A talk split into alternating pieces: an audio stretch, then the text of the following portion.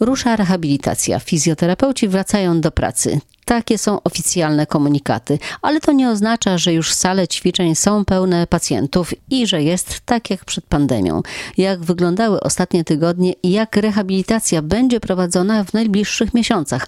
O tym porozmawiam z fizjoterapeutą Krzysztofem Aleksandrowiczem, który od 30 lat prowadzi prywatną praktykę i pracuje w Uniwersyteckim Szpitalu Klinicznym we Wrocławiu. Prywatna praktyka musiała zostać zamknięta, natomiast w szpitalu cały zespół, ja mogę powiedzieć za zespół, którego jestem koordynatorem, czyli w Centrum Chorób Serca Uniwersyteckiego Szpitala Klinicznego, gdzie normalnie pod naszą opieką znajduje się blisko 100 pacjentów i to są oddziały zarówno kardiochirurgii, czyli kliniki chirurgii serca, torakochirurgii, kliniki kardiologii, jak również oddział kliniki chorób serca. I na tych oddziałach myśmy cały czas prowadzili usprawnianie pacjentów. Był taki czas, kiedy decyzją dyrektora zostały wstrzymane planowe zabiegi. One zostały ograniczone z różnych względów. Natomiast no, myśmy mieli cały czas obłożenie na oddziale, no bo jednak choroba nie wybiera i jednak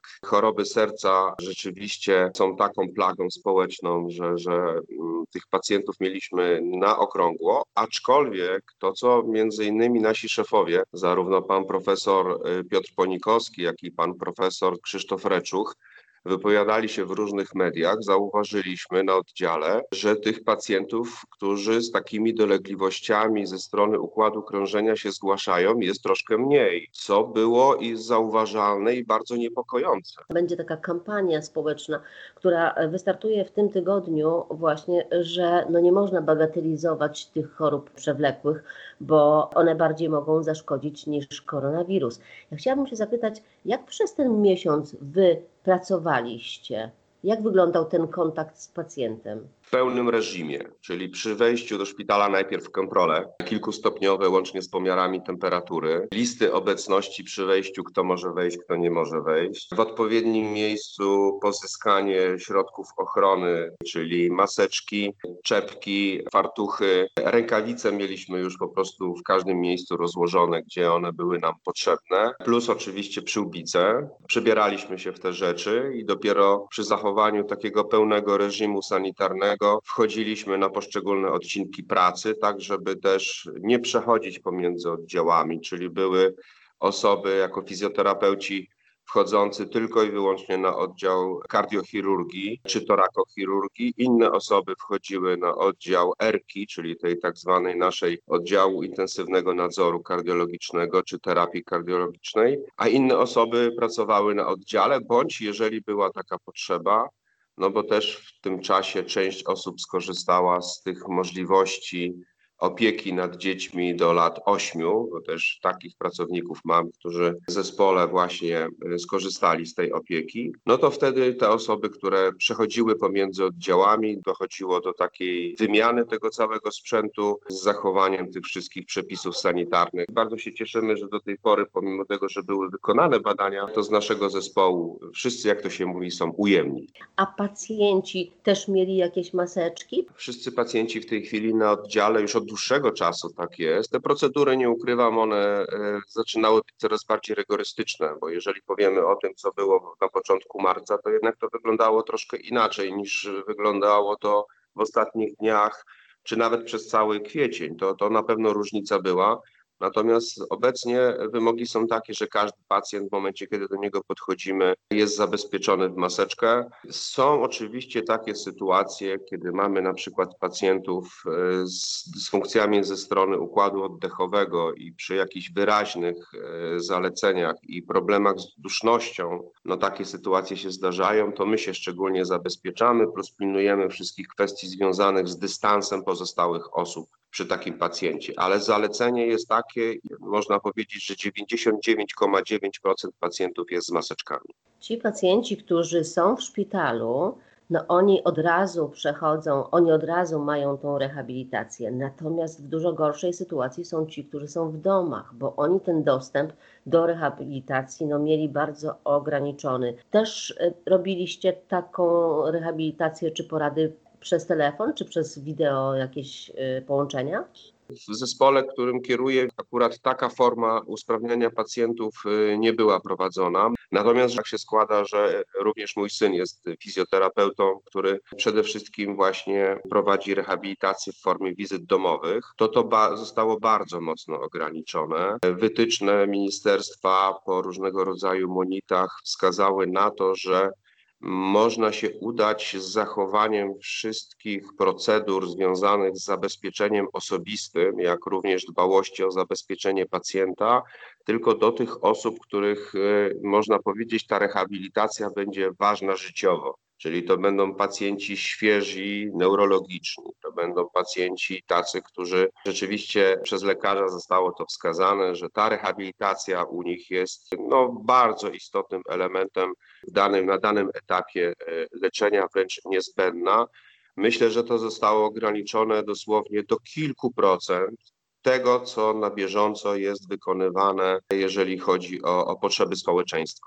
A pan otwiera już gabinet? Tak, ja już otwieram gabinet i jestem przygotowany na przyjęcie pacjentów. No właśnie, jacy to będą pacjenci? To będą ci tylko z tych pilnych wskazań, czy mogą przyjść wszyscy, którzy przerwali rehabilitację przez pandemię? Mogą przyjść wszyscy pacjenci, którzy przerwali rehabilitację. Ona rzeczywiście w momencie, kiedy pandemia się rozwijała w Polsce, pacjenci sukcesywnie jakby wycofywali się z tej rehabilitacji. W pierwszej kolejności to były te osoby, które z tej grupy najwyższego ryzyka, czyli osoby można powiedzieć, powyżej 60-65 roku życia. Potem kolejne osoby, bo w momencie, kiedy pojawiały się mm, takie rozporządzenia o pracy zdalnej, jeżeli ktoś zostawał w domu, a nie szedł do pracy, no to siłą rzeczy y, nie przyjeżdżał na rehabilitację, a potem już była decyzja ministerstwa, że mm, takie mm, gabinety, zakłady zostają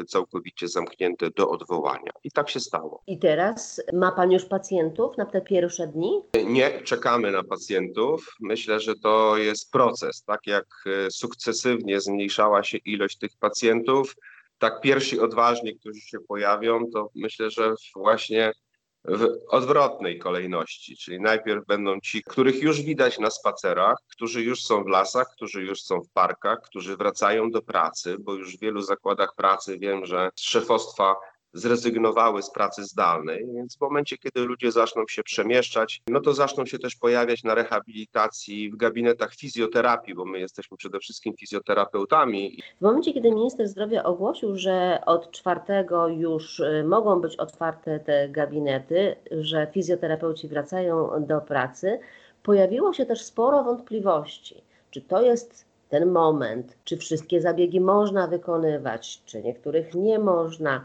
w jakich sytuacjach jest to niezbędne, a w jakich jeszcze może lepiej e, poczekać. Mamy bardzo jasne wytyczne, które się znalazły na stronie Ministerstwa Zdrowia. Zostały one podzielone na cztery części. Pierwsze z nich to jest zapewnienie bezpieczeństwa pracownikom i obsłudze.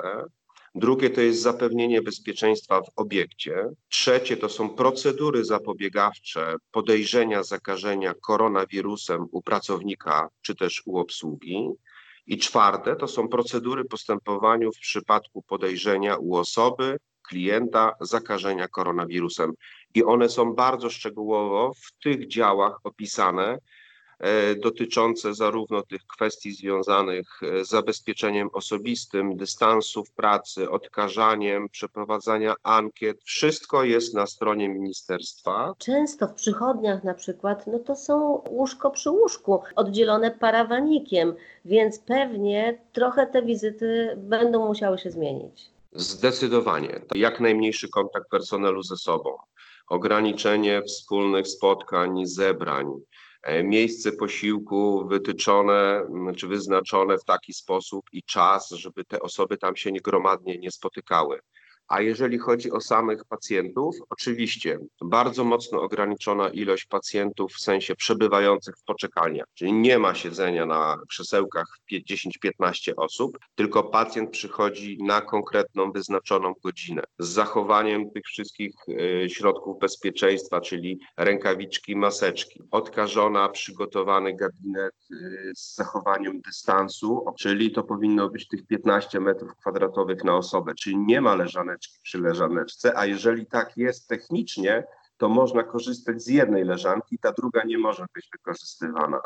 Po każdej wizycie to stanowisko powinno być odkażone z wzięciem pod uwagę tego, co ten pacjent mógł dotknąć, z uwzględnianiem, czy mamy klimatyzację, czy jej nie mamy, z wywietrzeniem pomieszczenia, z wymianą oczywiście wszystkich środków ochrony osobistej przez personel. Myślę, że w pierwszej kolejności będą korzystali ci, którzy rzeczywiście dla nich życiowo jest to bardzo istotna kwestia, bo jeżeli ktoś nie będzie mógł podjąć pracy, bo wymaga usprawniania fizjoterapeutycznego, no to podejmie działanie w kierunku takim, żeby się usprawnić i móc wrócić do pracy. Na ile rehabilitację można prowadzić zdalnie? Ja 30 lat pracuję w zawodzie i nie ukrywam, że wiele jest różnych pomysłów, które mają zastąpić rękę, doświadczenie, oko fizjoterapeuty, który już ileś lat przepracował i pewne doświadczenie zdobył, ma pewne umiejętności w ręku i czuje pewne rzeczy, zobaczy, jest w stanie z tym pacjentem. Poza tym kontakt człowiek z człowiekiem Maszyną tego nie zastąpimy. Jest to moim zdaniem jakieś szukanie rozwiązania na obecny czas. Gabinety fizjoterapeutów zaczynają przyjmować. Przed przyjściem warto jednak najpierw zatelefonować, żeby zapytać, czy już można skorzystać z zabiegu. W radiowym oddziale ratunkowym na dziś to już wszystko. Elżbieta Osowicz, do usłyszenia.